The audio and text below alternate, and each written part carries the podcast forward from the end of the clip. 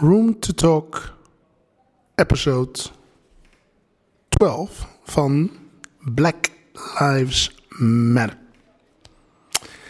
Vandaag ehm, worden wij vergezeld door twee gasten uit één bedrijf, uit één merk. Ze stellen zichzelf even voor. Voor degene die voor het eerst luistert, mijn naam is Chelani Isaacs. En naast mij zit Margreet van Schaik. Welkom. Wat doe je en wie zijn je ouders? Um, ik ben brandmanager van Lush Nederland en België. Um, en mijn ouders zijn, mijn vader is uh, gepensioneerd, Wouter. Um, en hij heeft altijd gewerkt als officier van justitie in Amsterdam. En mijn moeder was uh, directeur van de gevangenis in Haarlem. en uh, ook tevens jurist. En heeft zich daarna omgeschoold en is humanistiek gaan studeren. Nice. Ja. Welkom. En naast jou zit... Ruby van Hoorn. Uh, ik ben PR-manager bij Lush Nederland en België. Um, ik, ik doe dat, wij doen dat beide drie jaar. We zijn op dezelfde dag begonnen bij Lush. Dus we zijn ook een beetje een soort ja, yin en yang samen. Um, en mijn vader en moeder. Mijn vader uh, is Frank, uh, komt uit de Achterhoek, um, werkt al 30 jaar, 40 jaar in de muziekindustrie. Um, zowel nationaal als internationaal. En mijn moeder is Donna, Amerikaanse, geboren in Baltimore. Daar heb ik zelf ook toen ik jong was, hebben we daar gewoond. mama, mijn zus en ik. En ik woon sinds ik acht ben in Amsterdam. Dus ik Nou. voel, me volwaardig Amsterdammer. Niet Baltimore. Ik voel me ook Amerikaans, ja. Nice. Ja, Welkom ook. dankjewel.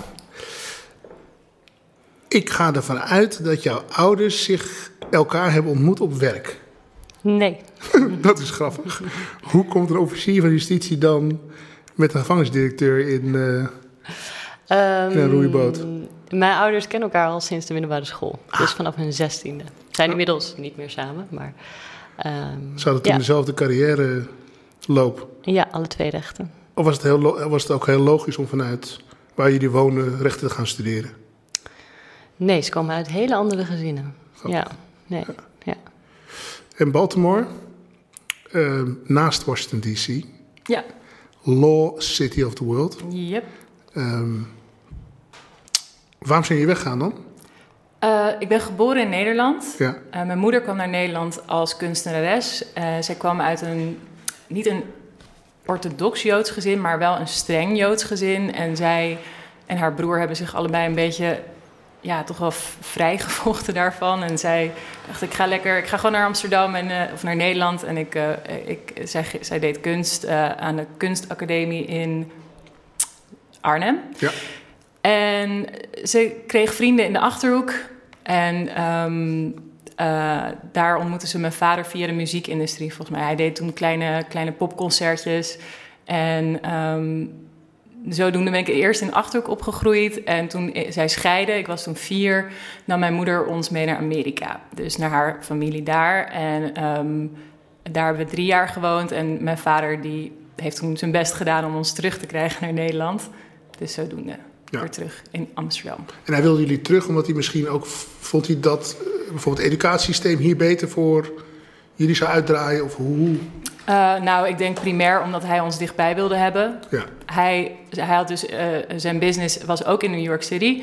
Zij vloog vaak maandelijks naar Baltimore, reed dan naar New York, reed weer terug en vloog weer. Maar dat was natuurlijk veel gedoe om zijn dochters te zien. Hij wilde ons vooral dichtbij hebben. En dat stukje absoluut. Ik, ik, denk dat dat daar af ook zeker wel in heeft meegespeeld. Uh, maar ons dichtbij willen hebben was de primaire reden.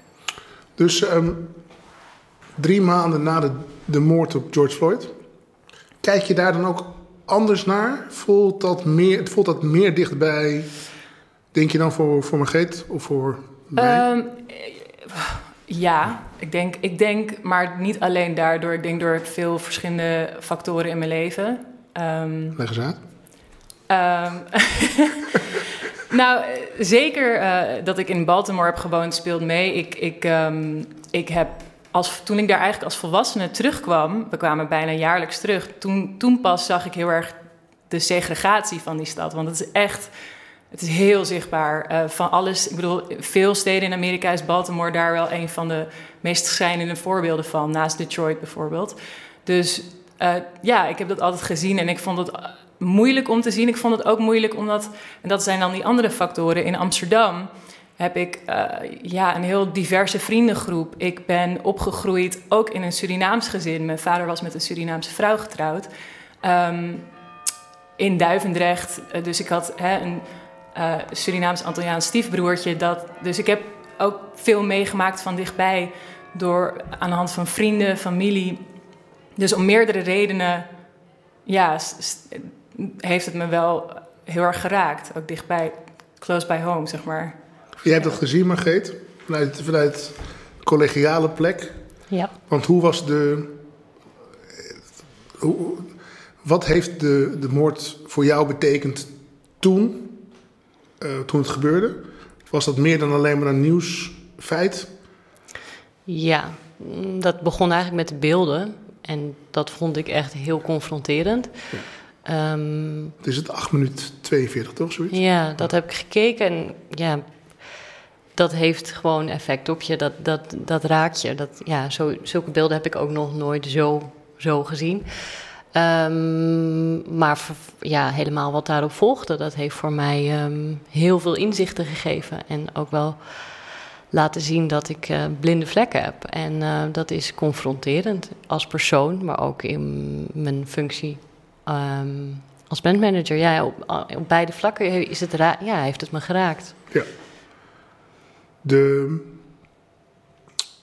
de wereld waarin we zeg maar opereren, laten we zeggen, noem het even marketing, communicatie, ehm, eh, heeft niet per se eh, als eerste eh, het voortouw gepakt eh, om over dit onderwerp te praten. Ehm, maar jullie vielen ons extra op omdat nog ver voor 25 eh, mei eh, overduidelijk een stukje, laat ik zeggen, activatie zit in hoe jullie communicatie doen. En activatie is al een paar keer in deze podcast. Sommigen vinden hem, vinden, vinden hem agressief, sommigen vinden hem eh, te vaag. Maar wat ik bedoel is eigenlijk, jullie spreken je uit. Activisme. Ja, je spreekt je gewoon activist, activistisch uit vanuit Ja. je merk. Ja. Eh, is dat overigens een van de redenen waarom je bij, bij Lush bent gaan werken? Of Mm, dat ze met ja. jou wilden werken? Wat was de... Ja, dat was absoluut de reden wat mij aansprak ehm, aan Lush. Lush is ook, ehm, ik weet niet of de luisteraar Lush kent, eh, maar Lush is dus een cosmetica bedrijf. Ja. En zoals ik het altijd noem, een activistisch cosmeta, eh, cosmetica bedrijf. En eigenlijk al vanaf de oprichting 25 jaar geleden zet Lush zich in voor onderwerpen ehm, ja, waar we ons druk over maken of waar we graag verandering willen zien als organisatie. Ja, En ehm, ja, dat sprak mij aan omdat ik vind dat het bij Lush van een hele authentieke plek komt. En ehm, ja, waar dat hem in zit, kan ik niet zo goed 1, 2, 3 uitleggen. Maar dat is wat mij aansprak om voor deze organisatie te, te gaan werken in het eh, marketingvak. Ja. ja want is, is Lush een, een, soort... eh, Is dat een corporate of is dat meer een soort family-driven eh, entiteit? Ja, het is een, een hele organisatie in eigen beheer. Ehm, Het Cool. is een vrij grote organisatie. We opereren in 50 landen, bijna duizend winkels wereldwijd. En ehm, ja, een eigen beheer, echt een familiebedrijf, zoals wij altijd zeggen. Ja, ja. Want- En, en, en gevoelsmatig, eh, dat activistische, komt dat dan ook vanuit zeg maar de, de, de, de oprichters van, van, van Lush? Ja. ja, zoals Margreet zei, het is, het is opgericht in eerste instantie met de gedachte... we willen eh, cosmetica ontwikkelen met meer verse en meer natuurlijke ingrediënten.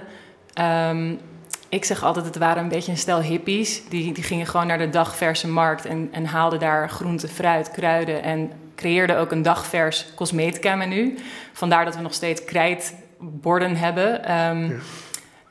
Ehm, maar dat, dat, daar begon het mee. En, en ze, ze spraken zich al heel vroeg eh, actief uit eh, naar eh, dierproeven. Dat was destijds nog heel normaal in de cosmetica-industrie. En eigenlijk vanuit dat startpunt eh, kwamen er veel veganisten op af. Er kwamen veel eh, dierenrechtenactivisten op af. En, maar er kwamen ook weer andere mensen met eigen idealen rondom mensenrechten, rondom milieukwesties. En dat is heel erg zo uitgegroeid. En dus het zit echt absoluut helemaal in de kern. Maar het wordt gedragen in alle lagen van het bedrijf. Ja. ja.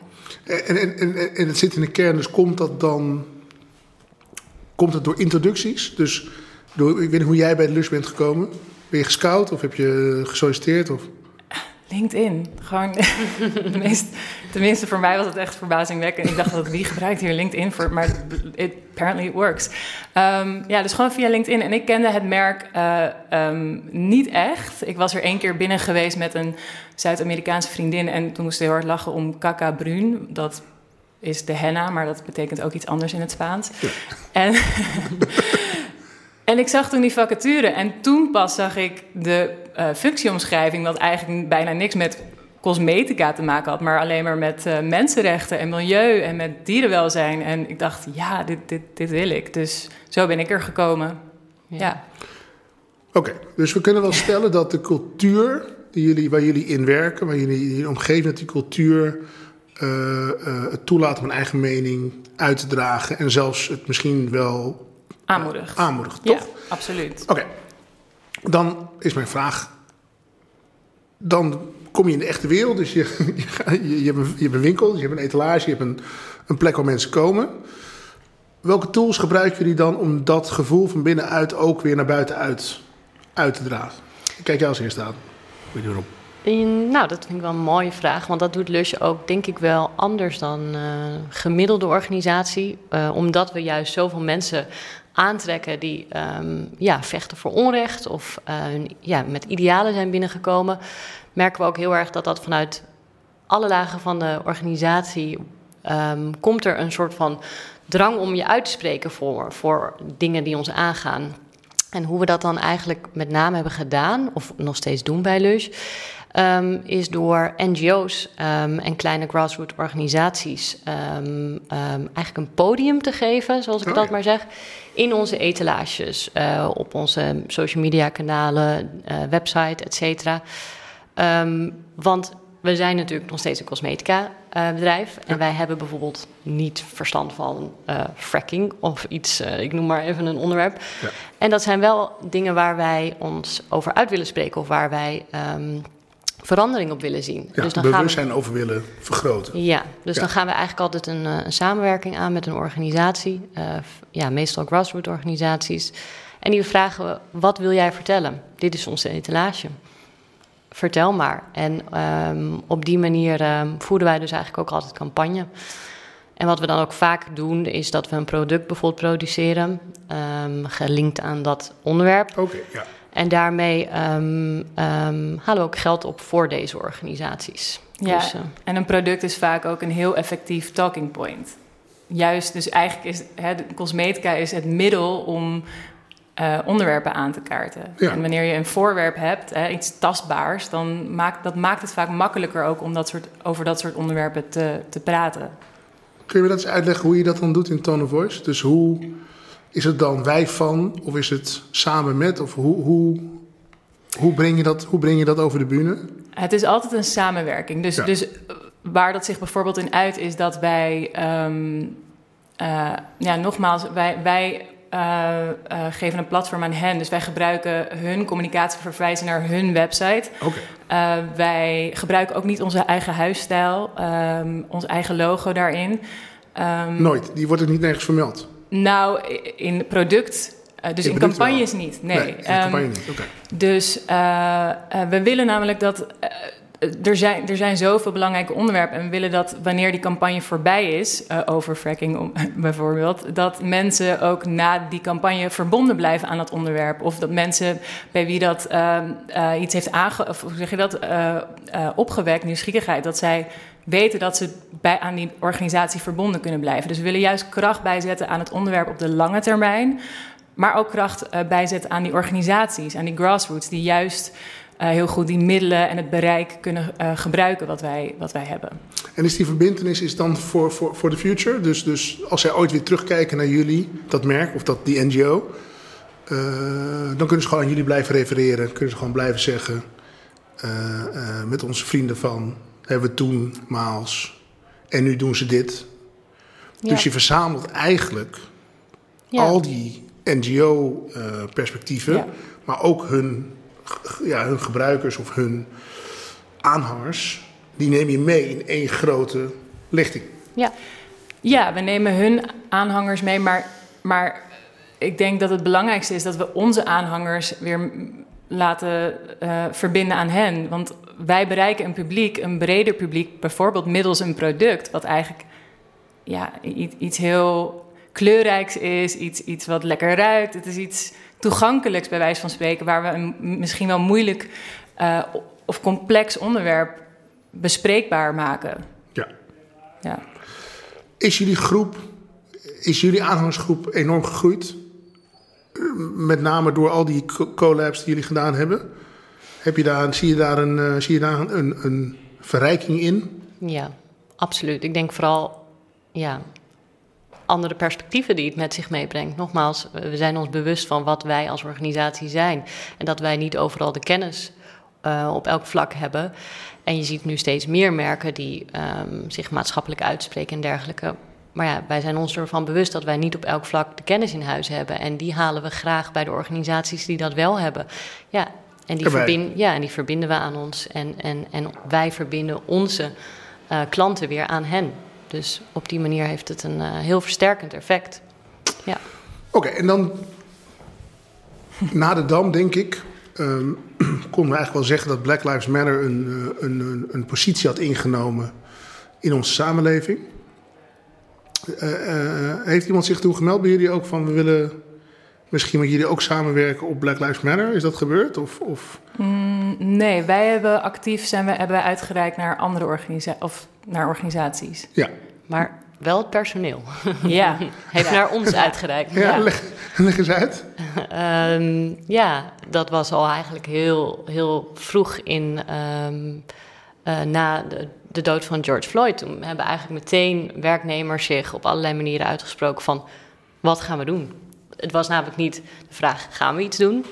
Maar wat gaan we doen? Ja. En even voor mijn duidelijkheid, hoe, hoe is dat georganiseerd bij jullie? Hebben een soort hele grote WhatsApp-groep? Of, of, of gebeurt het op de, op de werkvloer? Of, of hoe doen jullie dat? nee, we hebben heel veel kanalen en dat is altijd een uitdaging. Nee, ehm, ja, ik weet niet. We, hebben we kregen een aantal e-mails van werknemers ehm, en hele lange e-mails eh, en met heel veel emotie over wat de, de, de moord op George Floyd voor hem betekent. Maar ook, ehm, ja, het, het, het opende heel erg eigenlijk allerlei dingen die werknemers meemaken op regelmatige basis, ook binnen het bedrijf. Ja. Ehm, die niet eh, gehoord werden of die ze niet durfden uit te spreken. Dat is ook iets wat we heel veel hoorden. Door machtsdynamieken, doordat de top toch wit is. Ehm, daar kregen we een aantal ja, hele oprechte, maar pijnlijke emotionele e-mails over. En, en dat, dat was meteen een, een, een signaal. eh, wij moeten, het dialoog moet hierover worden opengebroken. En we hebben toen een ehm, Google Hang, twee Google Hangouts eh, opgezet. eh, met van tevoren met een aantal eh, collega's duidelijke spelregels opgesteld. Zodat het een safe space zou zijn voor mensen van kleur. eh, en specifiek zwarte mensen binnen ons bedrijf. Om hè, dus te kunnen uiten hoe, wat dit voor hen betekent. Wat, wat zij wellicht meemaken. Wat, eigenlijk, wat ze maar van het hart moesten. Wat natuurlijk heel, ja, ook wel weer veel gevraagd is. Het, Ja. het is heel veel emotional labor. Dat, eh, maar het was, ja, het was heel belangrijk en het, was, het heeft zoveel geopend. En, en er waren veel, veel collega's uit allerlei lagen. Met name dus witte collega's voor wie dit een enorme eye-opener was. En eh, het maakte ook duidelijk dat ehm, wij als bedrijf... Wij, ja, we zijn, we zijn vooruitstrevend in de ogen van velen. Maar wij vinden het, het is nooit genoeg, het is nooit goed genoeg. Maar op dit vlak deden we ook echt nog niet genoeg. Nee. En waren er eh, ook eh, hè, vanuit ons dingen die wij niet zagen. Door onze positie, doordat we wit zijn. Du- Dus, eh, en er kwamen zoveel dingen uit. En eh, ja, da- daar is het mee begonnen eigenlijk. Da- dat, is, dat is wat het open he- heeft gebroken binnen het bedrijf. Het was een dialoog voor alle medewerkers Ja. binnen, binnen onze organisatie. Dus eh, echt met, nou, met veel mensen. Ja. ja. Ja, dus, maar als je zegt met alle medewerkers, bedoel je dus ook de mensen die in de winkels werken, mensen die bij jullie op kantoor werken, maar ook Ja. mensen die eh, ik val met de leveranciers eh, in de weer zijn de hele dag. Iedereen was uitgenodigd. Dit is wat wij landelijk hebben gedaan. De Ja. leveranciers die, zitten, eh, die, die worden vanuit de UK beheerd. Dus Oké. daar zit het hoofdkantoor. Oké. Maar dit heeft ook in de UK plaatsgevonden. Op een andere manier. Maar eh, ja, het, het dialoog is intern compleet opengebroken overal. En het, er was al een dialoog gaande. We deden al veel. We hadden vaak ook eh, talks hierover. ehm, sprekers, maar niet, niet, op de, niet op deze manier. Of op dit onderwerp zo. Ook op dit onderwerp, Wel, maar, niet, ja.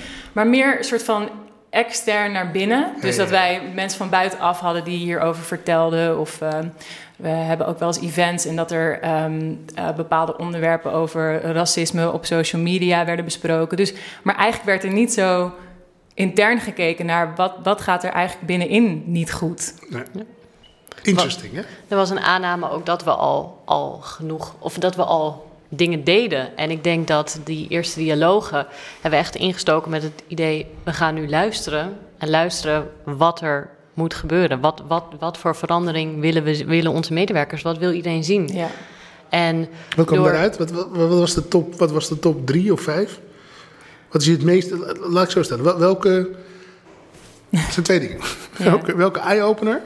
Je grootste eye-opener. En tweede, je grootste... Wat is je grootste vaandel geworden? Wat, wat heb je nu als eerste gesteld eh, waar je mee aan de slag kunnen? Ehm, is dat een moeilijke vraag? Nou, dus voor, voor mij is dat de, de, belangrijkste dingen sowieso ehm, training. Ja. Op verschillende onderwerpen. Dus ehm, een, een stukje op eh, unconscious bias. Het feit dat we zijn een white-owned company met veel witte eh, medewerkers. En eh, die, die zich bewuster moeten worden van hun bias. Dus training op recruitment. Maar we willen ook heel erg kijken, gewoon de meer, de, meer genuanceerde vormen van racisme die plaatsvinden. Dus microaggressions. ehm, hoe maak je moeilijke eh, onderwerpen bespreekbaar? Dat dus training eh, wordt een heel, is een, een van de belangrijkste dingen. Maar ook wel eh, het stukje recruitment is iets. Ja, dat, dat, dat, dat werd ook veel genoemd. Op allerlei vlakken dat dat, dat ook beter kan, dat dat inclusiever kan. Ja, nee, ik, ik vertelde laatst aan iemand dat ehm, we hadden een stagiair eh, eh, eh, hier bij ons. Eh, zwarte jongen met Afrikaanse roots. En eh, daar had ik het voorgesprek mee gedaan. Ik doe bijna alle voorgesprekken met de stagiairs. En hij had mij verteld, ik wil filmmaker worden, maar ik wil ook gewoon leren hoe dit vak werkt. Dus weet je wel, zet me gewoon aan het werk. Nou, zo gezegd, zo gedaan. Eh, en ik koppelde hem eigenlijk aan ons eh, eh, reclameteam. En nou, hij is aan de slag gegaan. En, en na twee maanden kreeg je een appie van ja, ik ga een nieuwe stage zoeken. En ik denk, ja, een nieuwe stage zoeken? Zo ga je een nieuwe stage zoeken. Wacht even, laten we even afspreken. Dus wij gingen zitten. En toen zei hij tegen mij van ja, ehm, ik, ik weet niet goed of dit mijn, mijn plek is. Ja. Ehm, en toen zeg maar, wat bedoel je? Het zei ja, ik, ja ik, heb, ik voel die aansluiting gewoon niet. En pas op dat moment realiseerde ik me, wacht even. Oh shit, ik heb hem gekoppeld aan een heel wit team. Dus en zijn medestagiair, en de, opdracht, eh, en de, de manager, en de producer... waren alle drie eh, vrouwen, maar witte vrouwen. En ik had gewoon nooit nagedacht dat, ik, dat zijn onboarding volledig out, out of whack was voor Ja. hem. Dus, dus, ik, ik, dus ik schaamde me dood natuurlijk. Ik zei, joh, dude, maar weet je wel, laten we in ieder geval proberen of we niet... Hij zei, nee man, ik heb al een beetje rondgebeld en ik heb een ander bedrijfje gevonden. En die ging ik uitzoeken, die waren volledig people of color. Toen dacht ik, ja, I get it, weet je wel. Dus ik, ik hoor wat je zegt. Ik denk dat die fout, die is... Ja. eh, die ligt zo... Ja, dit is precies wat je nu noemt, is ook de feedback die we kregen. Dat wanneer de recruitment plaatsvindt en het is een team van eh, eh, een manager en een trainee, die, en de, de mensen die dus die sollicitatieavond doen, zijn allemaal wit. Dat iemand van kleur zich daar niet in herkent, dat, dat zorgt, kan al zorgen voor een minder goede prestatie. Eh, Het is op allerlei vlakken. ehm, ja, is dat proces, dat kan gewoon beter. Dat we, we hebben daar dus meer verschillende mensen op nodig. Maar om heel veel, want ik zit nu ineens terug te denken. Ik heb eigenlijk best wel een aantal hele specifieke dingen genoemd. Maar de bottom line, daar vroeg jij naar. Van Ja. wat heb je geleerd? Dat, dat was één ding wat mij heel erg bijbleef in die sessie. eh, van wat iemand zei. En dat is echt een, meer een overkoepelend eh, eh, stuk. Is dat wij, wij waren eigenlijk reactief tegen racisme. Dus hè, de moord vond plaats. Nou, daar hebben we ons echt over uitgesproken. Hoe erg we dat vonden. Hoe erg we vinden dat we in een racistisch systeem zitten. En daar deel van uitmaken. Maar zij zei: nee, wij moeten eh, actief antiracistisch zijn. En dat is een beetje, dat is één groot ding wat voor mij heel erg verandering teweegbracht. En wat voor mij een eye-opener was, is dat het is niet genoeg om inderdaad reactief te zijn. Dus, dus dat, sorry om daar nog even op terug te komen, dat, dat, dat schoot me net te binnen. Dat was echt wel de, voor mij de bottom line van ja, dat moet anders. En, en hoe, hoe wordt dat tastbaar voor jou? Hoe, hoe, hoe Nou ja. implementeer je dat? Of hoe, voel je dat dat moet worden Ja. Nou, dus, dus die, die dingen die ik net noemde, hè, dus die training en dergelijke, dat zijn allemaal voor, specifieke voorbeelden. Maar het gaat er natuurlijk om dat als je eh, gaat aannemen op meer diversiteit, dat ook mensen inderdaad, zoals jij net als voorbeeld gaf, die dan binnenin eh, die voor Lush komen werken, ook het gevoel hebben dat ze gehoord, gezien worden en dat die belang en dat ze eh, gelijkwaardig zijn. En dat het een veilige plek is. En al helemaal gezien we activistisch zijn. Ehm, dat, dat, we, dat ze de tools hebben, dat iedereen de tools heeft binnen in Lush.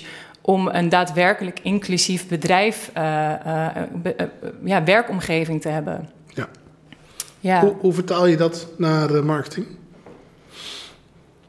Daar zitten we middenin, dit proces. Want ehm, in het begin, toen eigenlijk... ehm, toen we hier de dia- dialoog hebben geopend, toen hebben we ook... eh, of tenminste, vanuit mezelf spreken, heb ik best wel... Mijn eerste gevoel was, we spreken ons uit als merk. Want dat doen we.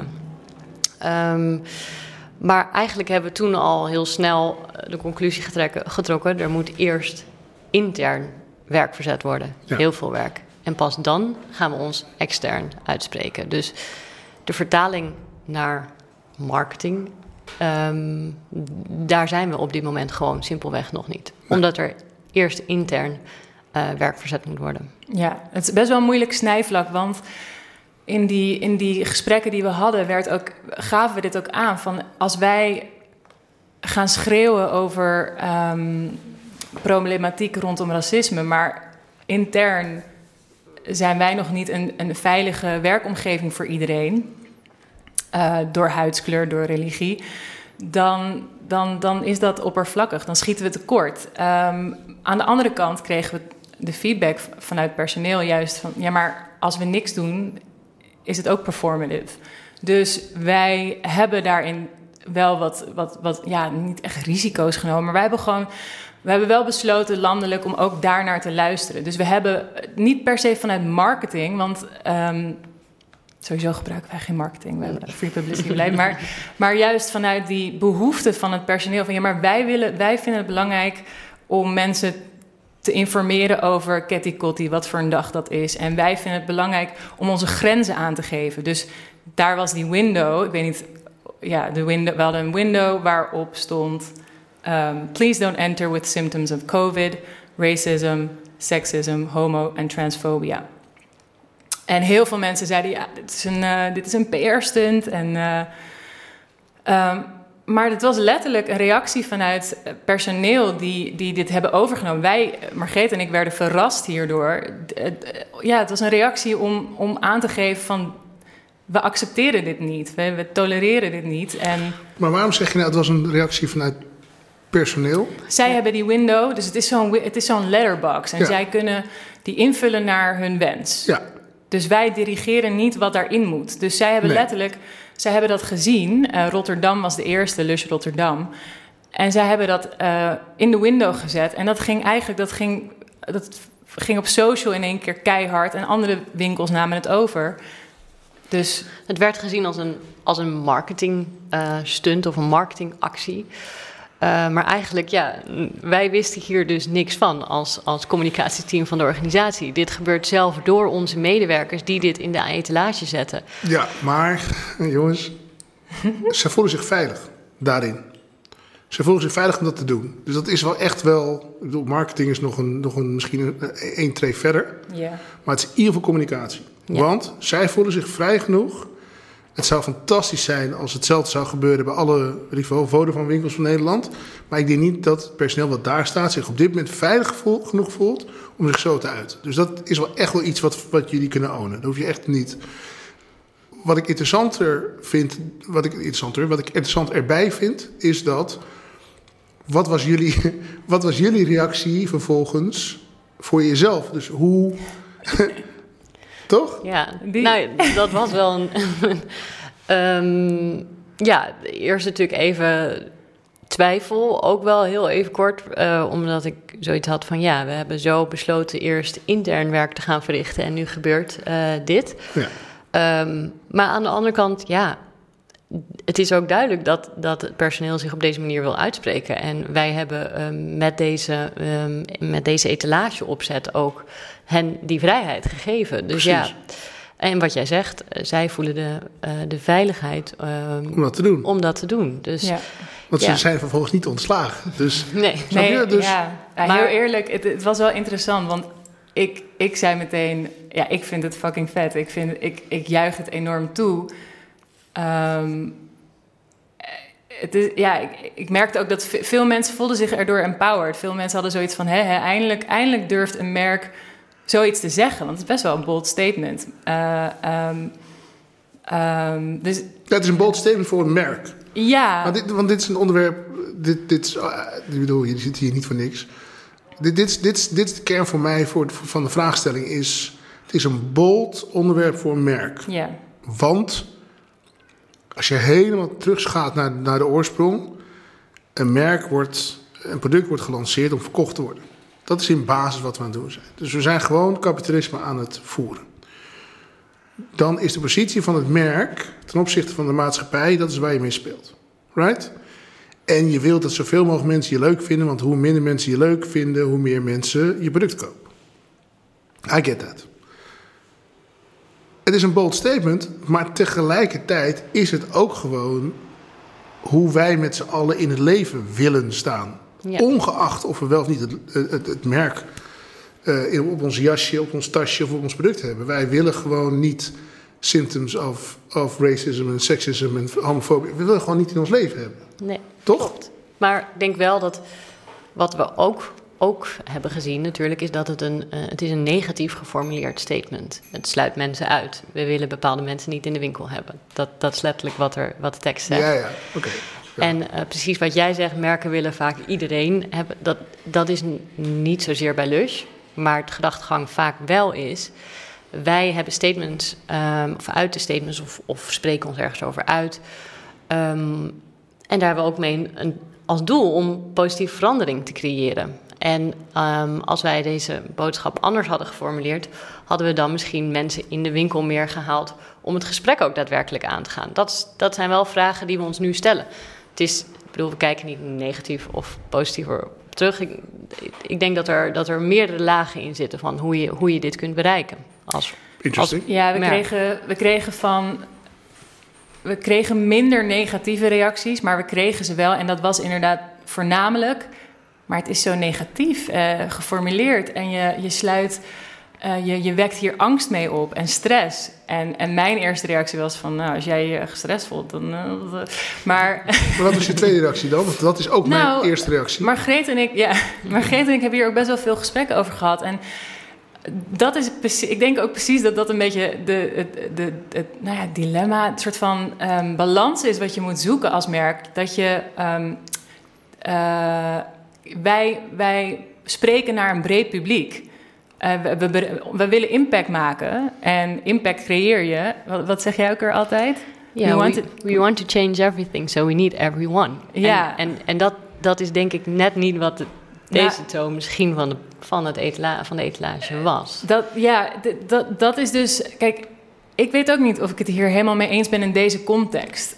Omdat het, het, is een, ja, het, is, het is een beetje een complex voorbeeld. Maar Nou, Jerry zei het laatst, Jerry van uh, Kick-Out Zwarte Piet zei het laatst heel simpel. Die zei gewoon, racisme is gewoon een, is gewoon een misdaad op de mensheid. nou, dat, Dus wil je misdadigers in je winkel of niet? Dat is Ja, de vraag ja, die je zo moet stellen. Ja, ja en dit, is- dit, is- dit is, ja, dit vind ik ook. En ik, kijk, het is, la- het is lastig omdat het wordt gezien als, het wordt, gen- het, het wordt een debat genoemd. Het wordt, een, het wordt politiek genoemd. Maar ik, ik vind ook, het is een mensenrechten kwestie.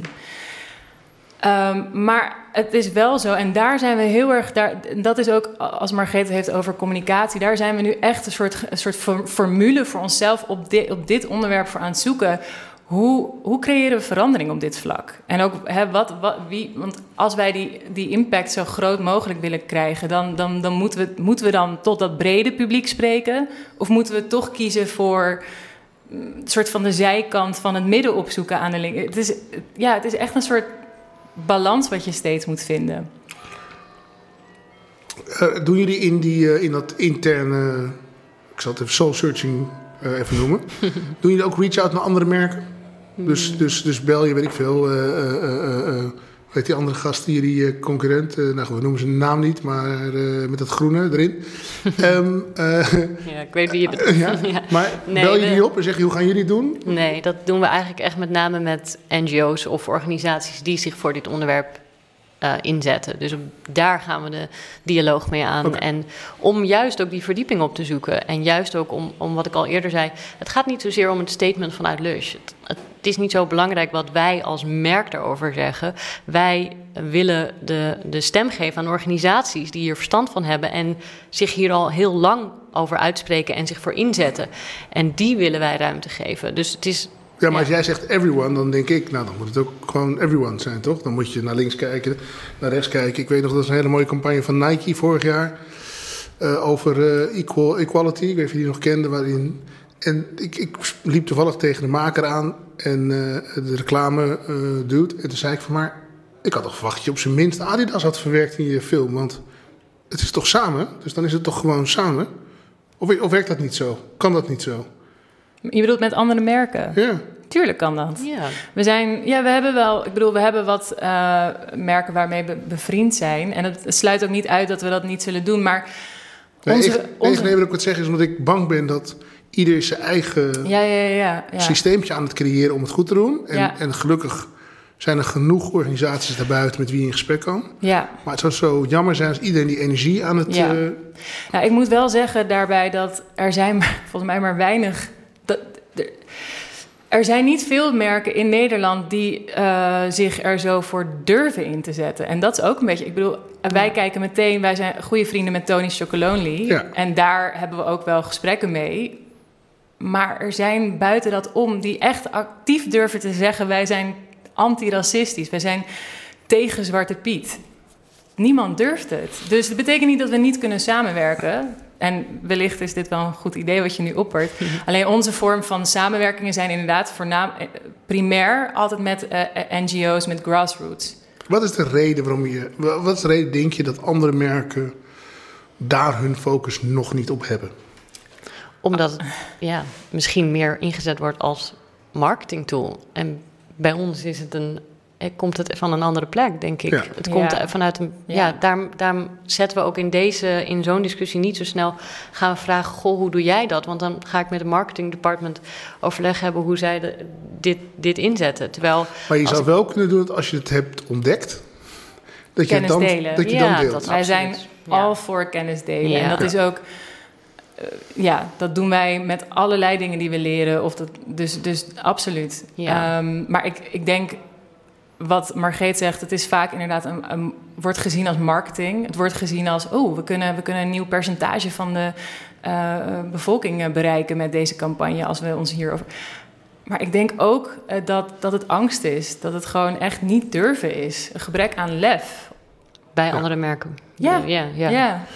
ja. Een andere... Een andere En, en sorry, nog één ding. En, sorry. en niet alleen gebrek aan lef, maar het is natuurlijk ook gewoon de realiteit dat eh, de meerderheid van de merken in Nederland wit zijn. Als dat anders was, als er me- meer mensen van kleur in de top zaten die, dit, die besloten over campagnes of over intern beleid, dan, dan zou er meer gebeuren ook. Dat laten, we, laten we daar eens op inzoomen. Want, want, Oh want, want nou ja, kijk. dit, is, dit, is, dit is, weet je wel, we zijn- 2020.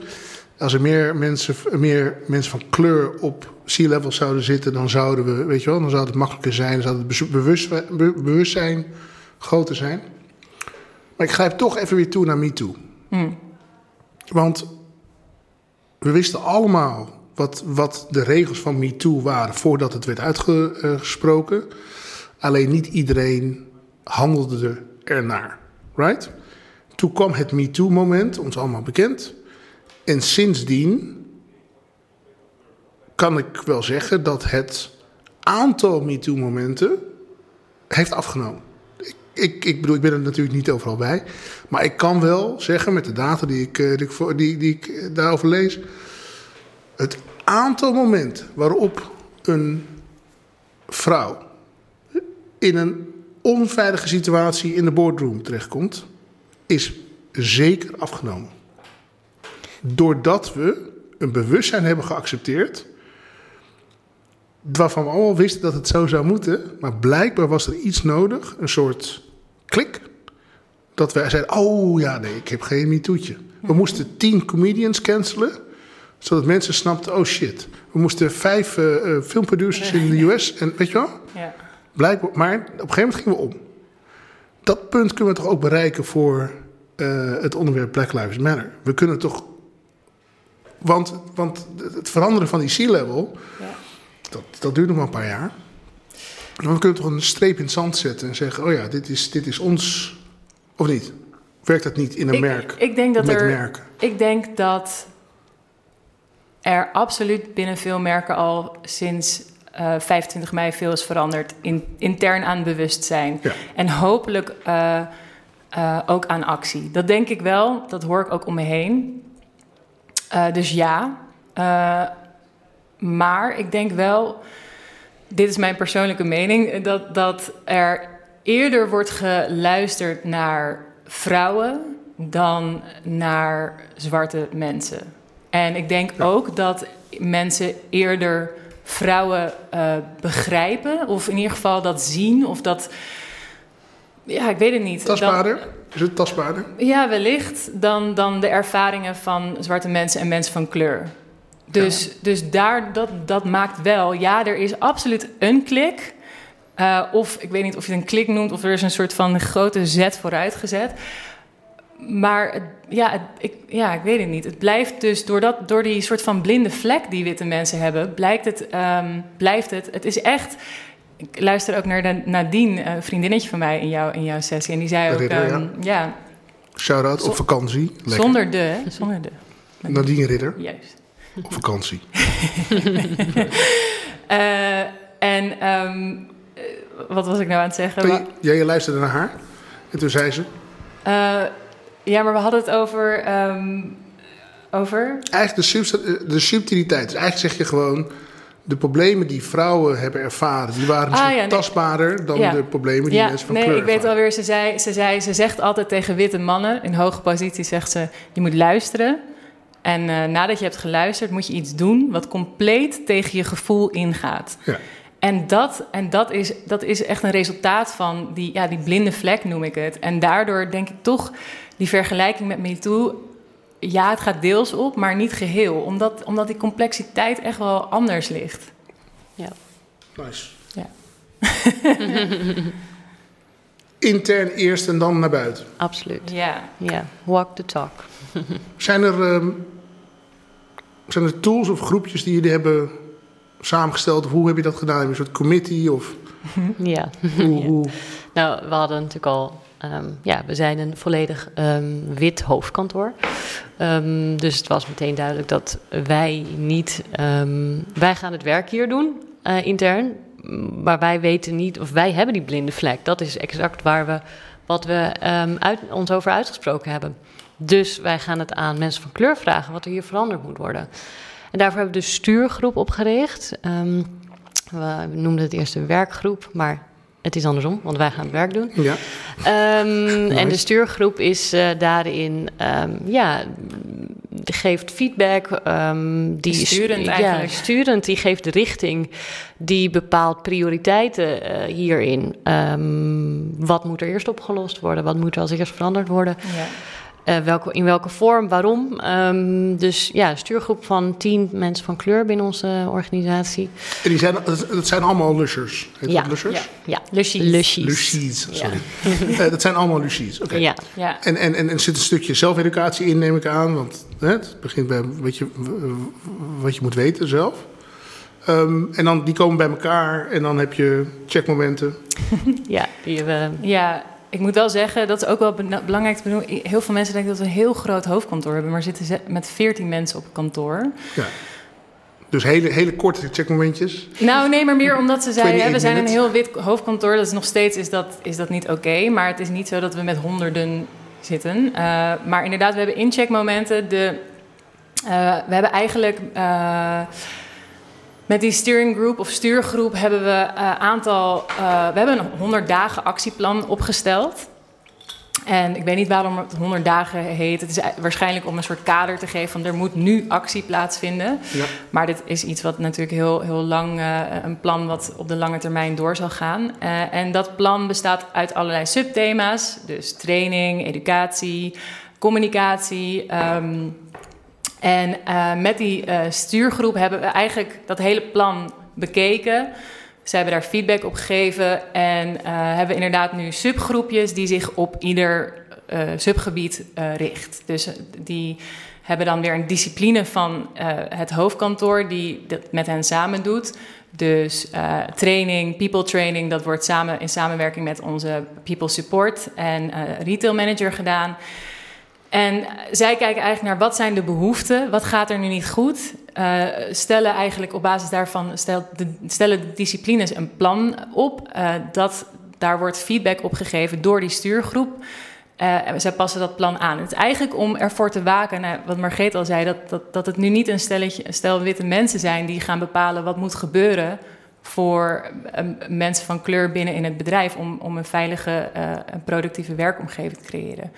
Dus, en tot nu toe, eh, het, ja, het is wel het, is een uitdaging omdat het een hele, het is een heel soort van nieuwe entiteit.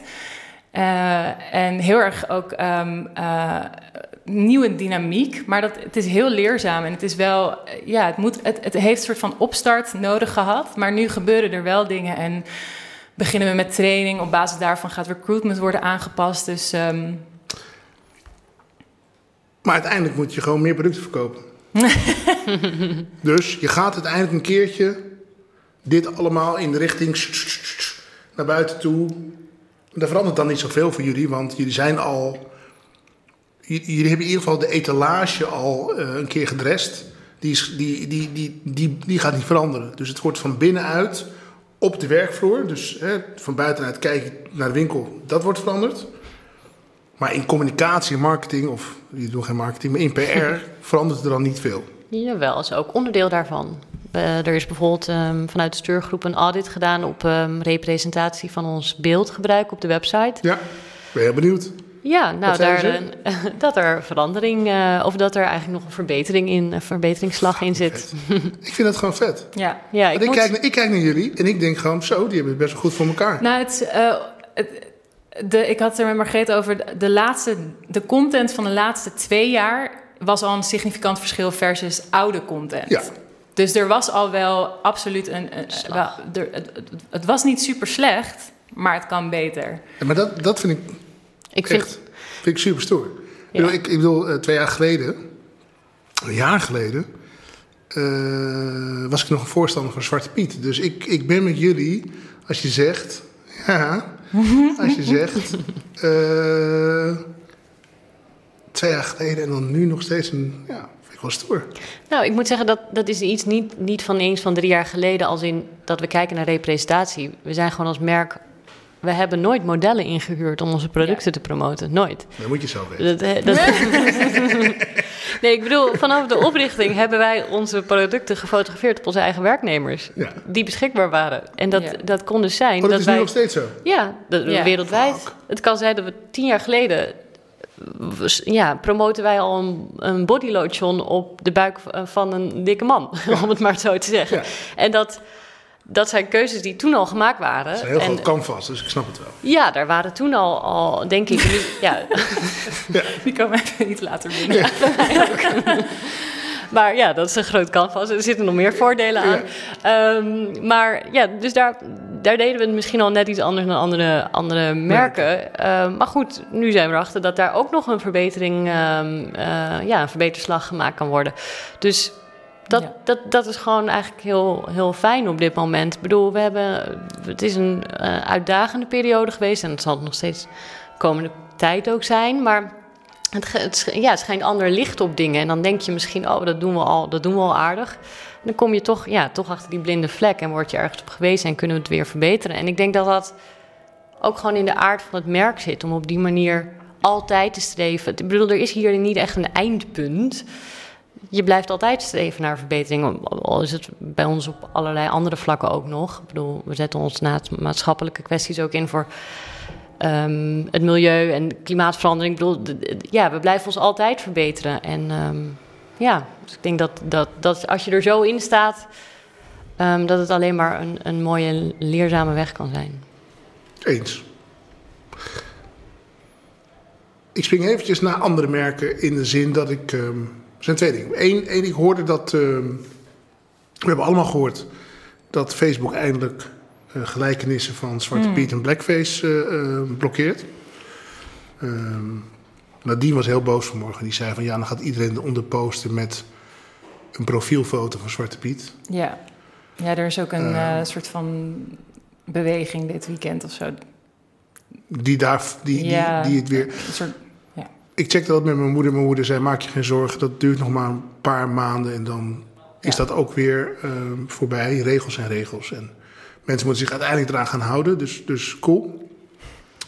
Eh, ik zag je net helemaal verbaasd kijken toen ik zei dat ik een jaar geleden nog eh, Zwarte Piet. eh, eh, eh, en ik, kan dat, ik wil dat wel even snel uitleggen, want dat. dat eh, kijk, ik heb Zwarte Piet nog nooit in het licht, eh, eh, tot een jaar geleden, nog nooit in het licht gezien van een mens. Snap je? Voor mij, ik heb daar nog nooit naar gekeken als een. Als iets wat ik moest vergelijken met iets wat in de samenleving rondliep. Voor mij is dat hetzelfde als Donald Duck. Hetzelfde als, eh, weet ik veel. ehm, gewoon een karikatuur. Een cartoon. Uiteraard wel beseft dat eh, hij heel erg op een bepaald soort van persoon lijkt. Ehm, maar nooit als niet, niet die twee met elkaar vergelijken. Ik heb daar bewustzijn over gekregen, omdat ik me pas veel dieper en later realiseerde. Ja, wat dat is gewoon gebouwd op een aantal koloniale eh, ehm, informatie.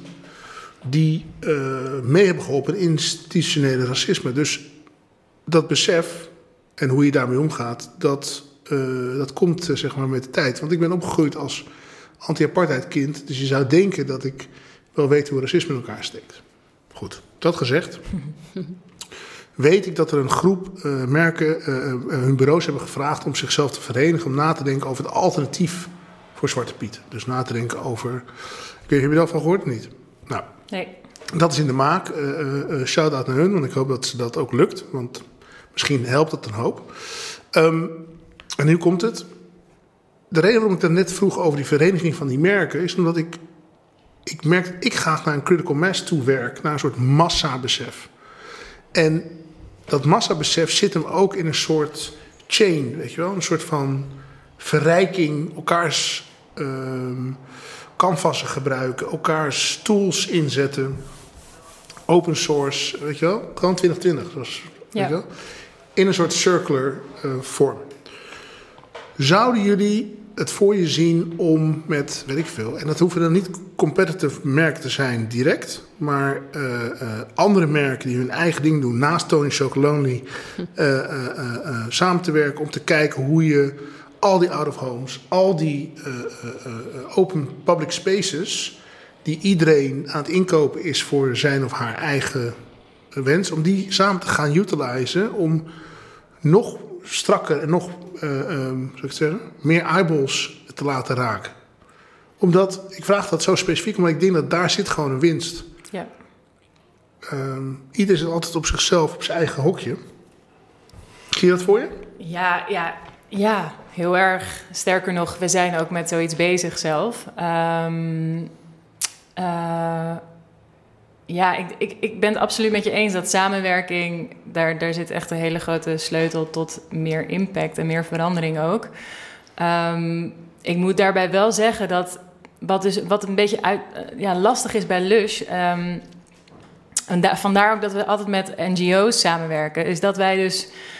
Uh, wij eigenlijk vanuit de geschiedenis heel veel commerciële samenwerking hebben vermeden. Dus, dus om die reden werken we niet zo snel met een merk maar samen. Waar, waarom heb je die vermeden?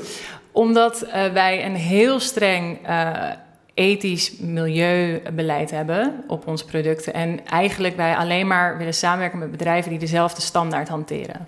Nice. En dan blijft er niet altijd heel veel over. Ja. Zelf ben ik heel erg van mening, en Margreet weet ik ook, dat, dat juist die samenwerking, de krachten bundelen um, met like-minded merken, um, ja, enorm veel kan doen. Dus, maar er zitten dus geen dataslurpers bij, bij die, bij die merken met wie je dan kan samenwerken. Maar de vraag is dan, welke perspectieven breng je er dan bij? Als je met andere merken daarover na gaat denken. Ja, dat vraag ik me af. Zijn zou, dat de perspectieven die je mee wil nemen om positieve verandering te creëren? Nou, uh, ik zie dan even Nederland als een BV. En er is, een, er is een, een, een, een, een, in de BV is iemand bezig met de etalage, iemand bezig met zeg maar, de infrastructuur, iemand is bezig met de. En, en voor elk ja. onderdeeltje pak je een merk.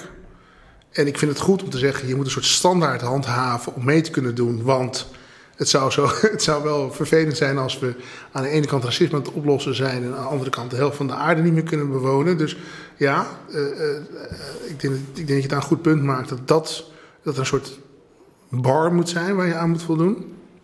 Maar het lijkt me zo vet als je Nederland eventjes als, als BV ziet, dat we allemaal die onderdelen gaan aanpakken. Ja. Ieder op zijn eigen specialisme. Ja. Maar wel met elkaar ge, ge, weet je, dan kan, en dan kan de BVA kan, dan kan ervoor zorgen dat, dat, dat al die informatie wordt verzameld. En je kan. Ja. Omdat Ja.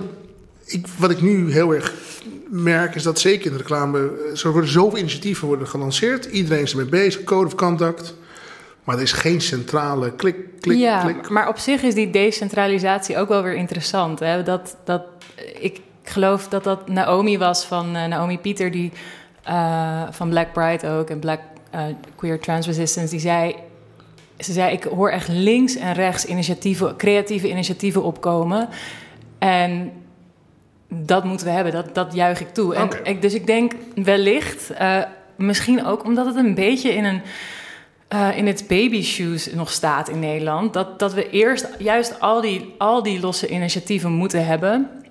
Een soort opstartfase. En dat het juist goed is dat, het, dat, het, dat er overal wat gebeurt, zo, zoals je zegt. Uh, ieder in zijn eigen discipline of in zijn eigen vakgebied.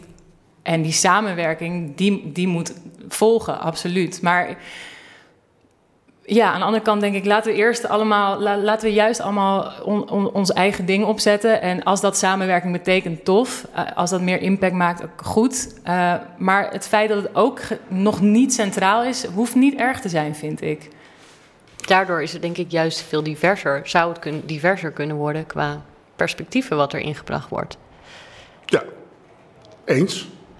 Met, met, met, met de de, wat een consequentie zou kunnen zijn, is dat we tien keer opnieuw het wiel uitvinden. Ja, dat zou kunnen in, zijn. Inefficiënt. Ja, inefficiëntie. inefficiënt. Maar oké, okay, die, die pakken we dan misschien eventjes. Ja, misschien moeten we daar heel even doorheen om vervolgens uiteindelijk tot een gezamenlijk punt te komen.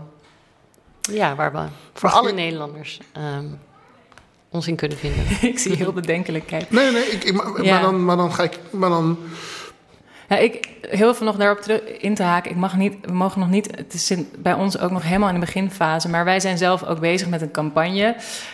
En dit is ook een van de dingen die, waar we het over hebben gehad. En eh, eh, dat we juist.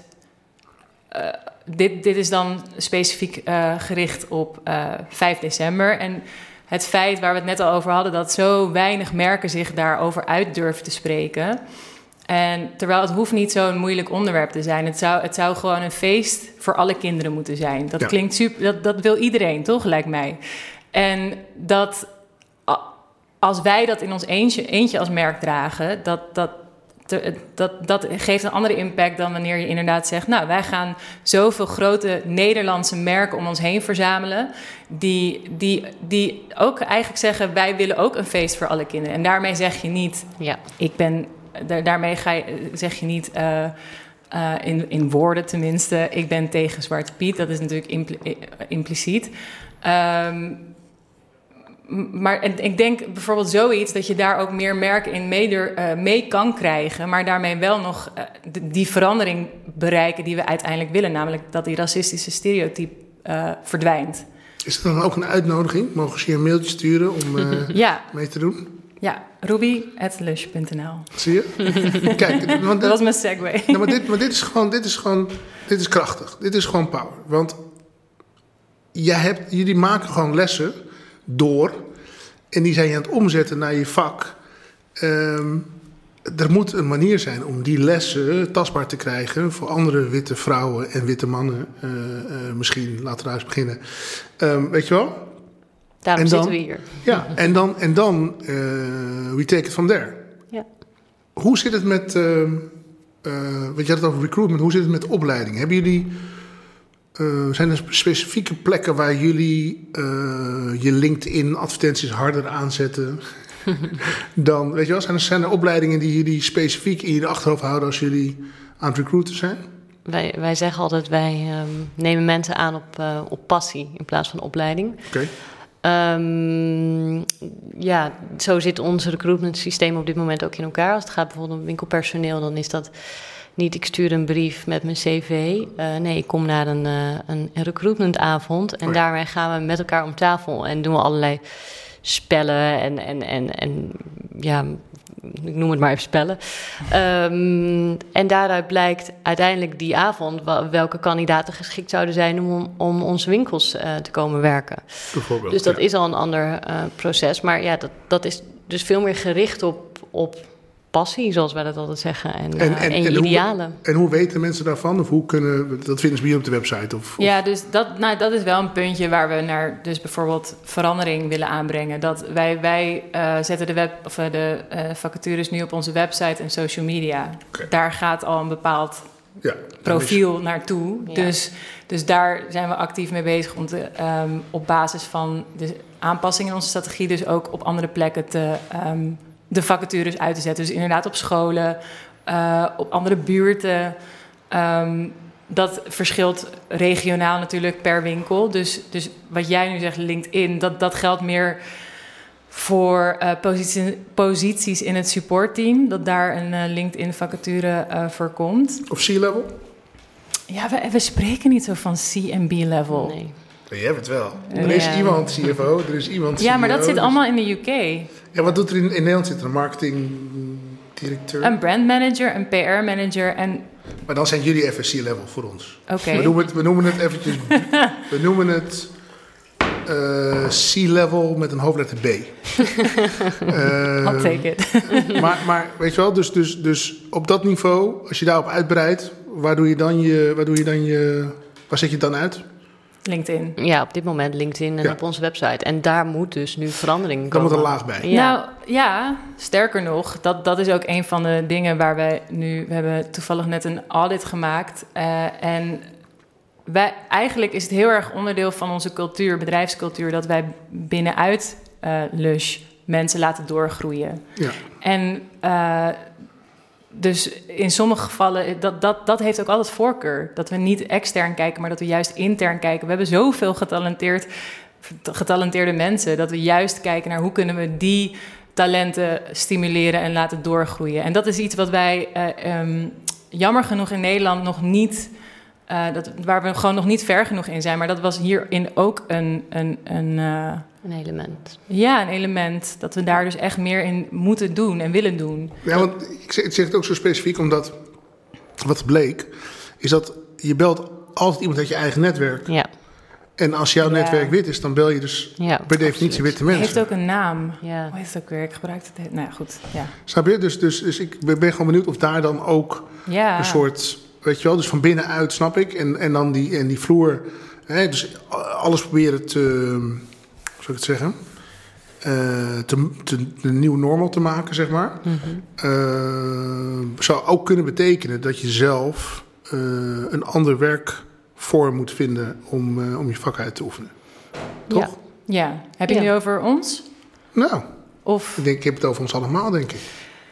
Want- om ruimte te creëren, Ja. bedoel je? Of, Ja, ja, ja, ja, absoluut. Je bent je ook juist, denk ik nu, of tenminste zijn wij denk ik ook wel ons eh, meer bewust geworden van onze tekortkomingen als, als team. ja. Daarin willen we dus meer ehm, perspectieven aan toevoegen. Dus ja, op die manier moet het ook eigenlijk wel. Maar Ja. de, de, het format hoe dat zich gaat uitkristalliseren in ons recru- recruitmentbeleid, dat, dat, dat is er op dit moment nog, Nog niet. niet. Dat is allemaal in wording. In, in heel veel dingen zijn we gewoon heel erg onderzoekend op dit moment. En, en juist, juist dit soort gesprekken te voeren. Hoe, Ja. hoe kunnen we dat beter doen? Ja. We hebben nog niet eh, alle wijsheid in pacht, helaas. Maar Nee.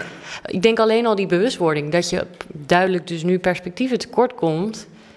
Dat, dat, dat geeft al zo'n motivatie om, om in dingen anders te gaan doen, denk ik. Ja, ik denk ook dat het ehm, de realisatie dat perspectieven ertoe doen, dat al, dat al nummer Precies. één is. En wij, eh, ja, recruitment was het eerste wat aan, aan- ter sprake kwam. En hè, er zijn allerlei methoden voor om een diverser. Ik steek nu mijn vingers tussen aanhalingstekens. Die, want ik vind dat het woord altijd zo misbruikt, of tenminste ja, misbruikt wordt. Maar een diverser eh, bedrijf en een inclusief bedrijf eh, te creëren. Eh, en sommige mensen zijn voorstander voor, ehm, eh, eh, hoe heet het? Ehm, nou, we noemen het even positief discriminatie. Dus, Ja. dus, dus juist echt kijken naar, oké, wij gaan iemand aannemen met een andere etniciteit. Eh, niet iedereen staat erachter, ook vanwege Tokenisme. tokenism. Ja. Uh, maar wat ik, waar we het over hadden was, ja, maar hoezo wordt etniciteit uh, of achtergrond überhaupt niet meegenomen in die equation? Waarom de waarde van iemand met een andere achtergrond, etniciteit, die heeft inderdaad andere, een ander perspectief die van waarde is, die van toevoeging is op, op het functioneren en de creativiteit van je team. Ja. Dus het, het begint bij gewoon te zeggen dat is een factor die we meenemen in de beoordeling van iemand. Heel veel mensen zeggen ja, maar je gaat toch niet iemand aannemen op huidskleur? Nee, ook, ook huidskleur doet, doet mee. Het is, ja, dat, dat, dat brengt gewoon een andere, ander kennisveld, andere perspectief. Andere, ja. Dus dat, daar, dat is wel iets waarvan we weten dat willen we. Maar het, is vooral, het zit hem nog in de methode van hoe gaan we dat bereiken.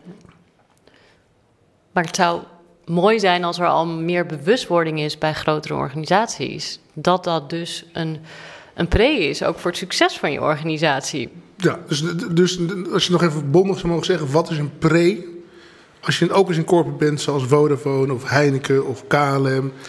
Um, een diverse um, ja, organisatie geeft verschillende perspectieven. En dat maakt je uh, uh, krachtiger. En, en, in mijn ogen, ja, succes, dat is ook gewoon bewezen. Dat je daardoor succesvollere teams ja. uh, krijgt. Dus ik, ik, ja, ik vind dat soms ook nog wel verrassend dat het... Um... Nee, maar ik denk, ja, nou, ik denk dat heel veel van dit soort corporates daar het ook wel mee eens zijn. Maar ik denk dat zij op dit moment niet zo ingericht zijn. En ik denk ook niet dat zij zich bewust zijn dat ze daarvoor ook zelf iets zullen moeten inleveren. inleveren. Leveren, ja. En het inleveren is niet per se op hun menselijkheid, maar het inleveren is op hoe uh, de ruimte die ze nemen om hun pad te lopen. Ja. Dus de ruimte die ze nu van nature innemen, maakt het zo dat andere mensen een soort van gesqueezed tegen de muur dezelfde pad moeten wandelen. Dus zij moeten ietsje indunnen. Uh, en dan kan, de, dan kan, de rest weer, kan de rest weer mee. Ja. Snap je? En, en er zit nog, denk ik, nog een, een, een, een stukje bij, is dat. roepen diversiteit, roepen uh, we gaan dit aanpakken, we gaan hiervoor vechten, dat is, dat is top. Maar weten waarom je het doet, ja. De, de, ja. reason, de echte reason why dit moet veranderen, dat is educatie, dat is zelf proberen te snappen, weet je wel, de, de domheid waarin ik, Zwarte Piet, niet uh, genoeg schoppen de deur uitgaf, of genoeg schoppen in het gezicht gaf. Weet je wel, die, die, die domheid, die moest ik ook door om dan te denken: oh fuck, wat een eikel eigenlijk ben ik. Want Weet je wel, en, en zo zal iedereen, ook op zogeheten C-level, zal dat moeten doen, denk Ja. ik. Ja. Maar da daarom benoem ik ook, ik denk niet dat dat de reden zou moeten zijn dat je diversiteit nastreeft als organisatie. Maar succes is gewoon een resultaat ervan. Ja. Dus ehm, als je niet kan bedenken wat een motiverende factor zou moeten zijn als organisatie, het is lijkt, dat me, het. het lijkt me toch vrij evident. Ja. Eens. Ja, maar het is wel lastig. Want, want dat, is, dat is dus wat Nadine bedoelde te zeggen. Je moet iets doen wat compleet tegen je gevoel ingaat. 100%. Ja. Ja. En ja, het zijn toch witte 50-plus mannen die daar, die dat, die, de- Die komen er zo slecht vanaf. Het gaat er Holy gewoon niet shit. in. Ja. ja. We haten jullie niet hoor, maar veranderen. Beetje shade. Just a little bit shade. Ehm, wat nu? Want eh, het is nu eh, augustus 2020. December heb je al verteld. Dan gaan jullie, eh, we zijn hiermee bezig. Om daar, ehm, November. wat november al, ja. Want wanneer normaal gesproken komt die wat? 4 november aan of zo. En dan? En dan daarna? Wat is... eh, Nou, dat, dat is ook wat ik bedoelde met het 100 dagen actieplan. gaat natuurlijk niet over 100 dagen. Dit, dit moet 365 dagen van het jaar gebeuren. ja. Dus de, ja, het, het, wat dan? Het is, het, het, omdat het zoveel elementen zijn, die moeten, subtiele elementen, grotere elementen, die moeten veranderen binnen ons bedrijf. Dit, dit gaat iets zijn wat, eh, wat we op de lange termijn moeten dragen. We moeten ook niet aandacht verliezen. Het, het moet een prioriteit blijven. Je, zoals je net zei, we hebben ook, we do have a business to run, maar dat hoeft niet of-of te zijn. En dat is, dat is voor ons wel echt iets wat heel belangrijk is. Dat het, dat het, het is niet een momentum. Het is niet, de, het is niet een, een eh, hoe noemen ze het ook? Een, ehm, Zwart vlakje op Instagram. deze beweging bestaat al eh, veel langer. En ehm, los van de beweging, dit probleem bestaat al eh, veel, si- sinds, weet je, de, de, de Gouden Eeuw, bij wijze van spreken. Ja, Dus, sinds eh, ehm, 1640. Dank u. Ja. Ehm, dus dit, ja, dus dit, dit is ook iets wat we op de lange termijn eh, moeten volhouden. Ik denk dat eh, nu is er iets op gang gezet. Er moeten dingen shiften. En op een gegeven moment moet dat gewoon onderdeel van de norm worden. Voor ons ook als bedrijf. En daar heb ik het nu even over. Ja. Ja, het nieuwe normaal. Daar, daar zou je daarin naar moeten toestreven, denk ik. Maar wat ik al zei, het is, er is nooit echt een eindpunt. Er Ja. zullen altijd, daar, daarvoor is, Ja. zijn we ook als organisatie. Dan zal er een nieuw element gevonden worden waar we ons voor willen inzetten. Het is niet een soort van eindpunt waar we naar streven. En Dat, dat doen we op geen enkel vlak als het gaat om onze campagnes of ja, onze activistische aard, zeg maar. Ehm, Ja. ja, Ja. dat zit erin. Positieve verandering blijven. Ja, want het heeft, het heeft ook, dit, dat dialoog wat is opengebroken, heeft ook allerlei andere dingen aan, aan het licht gebracht. Ehm, Zoals? religie, eh, eh, de- hoe inclusief zijn we naar alle religies? Eh, gender, daar, daar doen we het niet slecht in, maar ook daarin ehm, ehm, kunnen we nog meer doen om te luisteren. Eh, Body size, abilities, dus eigenlijk allerlei. Er, er, ja, die blinde vlek die we hebben op het gebied van racisme als witte mensen, die hebben we op allerlei vlakken. Ehm, dus eh, er, er moet meer gebeuren. De, ja, dus dit is eigenlijk alleen maar een, een, een beginpunt en niet een eindpunt wat na dit jaar stopt. Nee. Zijn er andere onderwerpen waar we het nog niet over gehad hebben, waar jullie het wel over zouden willen hebben? Eh, nou ja, Iets wat ik misschien nog niet gevraagd heb, waarvan je zei van... Nou, ik, Nee, je dacht, maar- van, dat ga ik- gaat hij zeker vragen. Nee, je hebt, volgens mij heb je alles wel een beetje gecoverd. Maar wat ik zelf wel heel belangrijk vind, en dat is ook voor Margreet en mij de reden dat we hier eh, zijn en aan wilden deelnemen, is precies wat je zelf aangaf net. We hebben meer bedrijven nodig, meer merken. En dus ik zou ook wel willen andere merken, als ze luisteren, willen oproepen om daarin in lef te hebben en, en gewoon een positie te durven innemen. En En het niet te zien als politiek bijvoorbeeld. het Of- niet te zien als politiek en ook niet te zien als marketing, Ja. maar het zien als the right thing to do.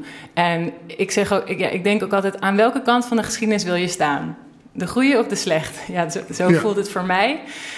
En ja, je hebt een keuze. En En marketing kan een middel zijn, maar Juist. geen doel. Ja. Dat, dat zou ik ook wel willen meegeven aan andere merken. Ja, en je hebt zoveel invloed. Je hebt zoveel invloed en zoveel bereik. En ehm, maak daar goed gebruik van. Ja. Dankjewel voor deze. Ik eh, vond het een heel fijn gesprek. Ik vond het vooral een heel intelligent gesprek als het gaat over wat wij nou moeten doen en wat we aan het doen zijn en hoe we het beter kunnen doen. Eh, dus ik hoop, net zoals jij, dat veel merken meeluisteren. Maar ook veel creatieve directeuren die bureaus leiden. eh, om te snappen dat er een, een shift aan het ontstaan is waar ze onderdeel van moeten zijn. Dat als ze dat niet doen, dat ze misschien ook wat irrelevanter zijn. Eh, ik ben jullie zeer dankbaar. Jij ook bedankt. Dank je wel.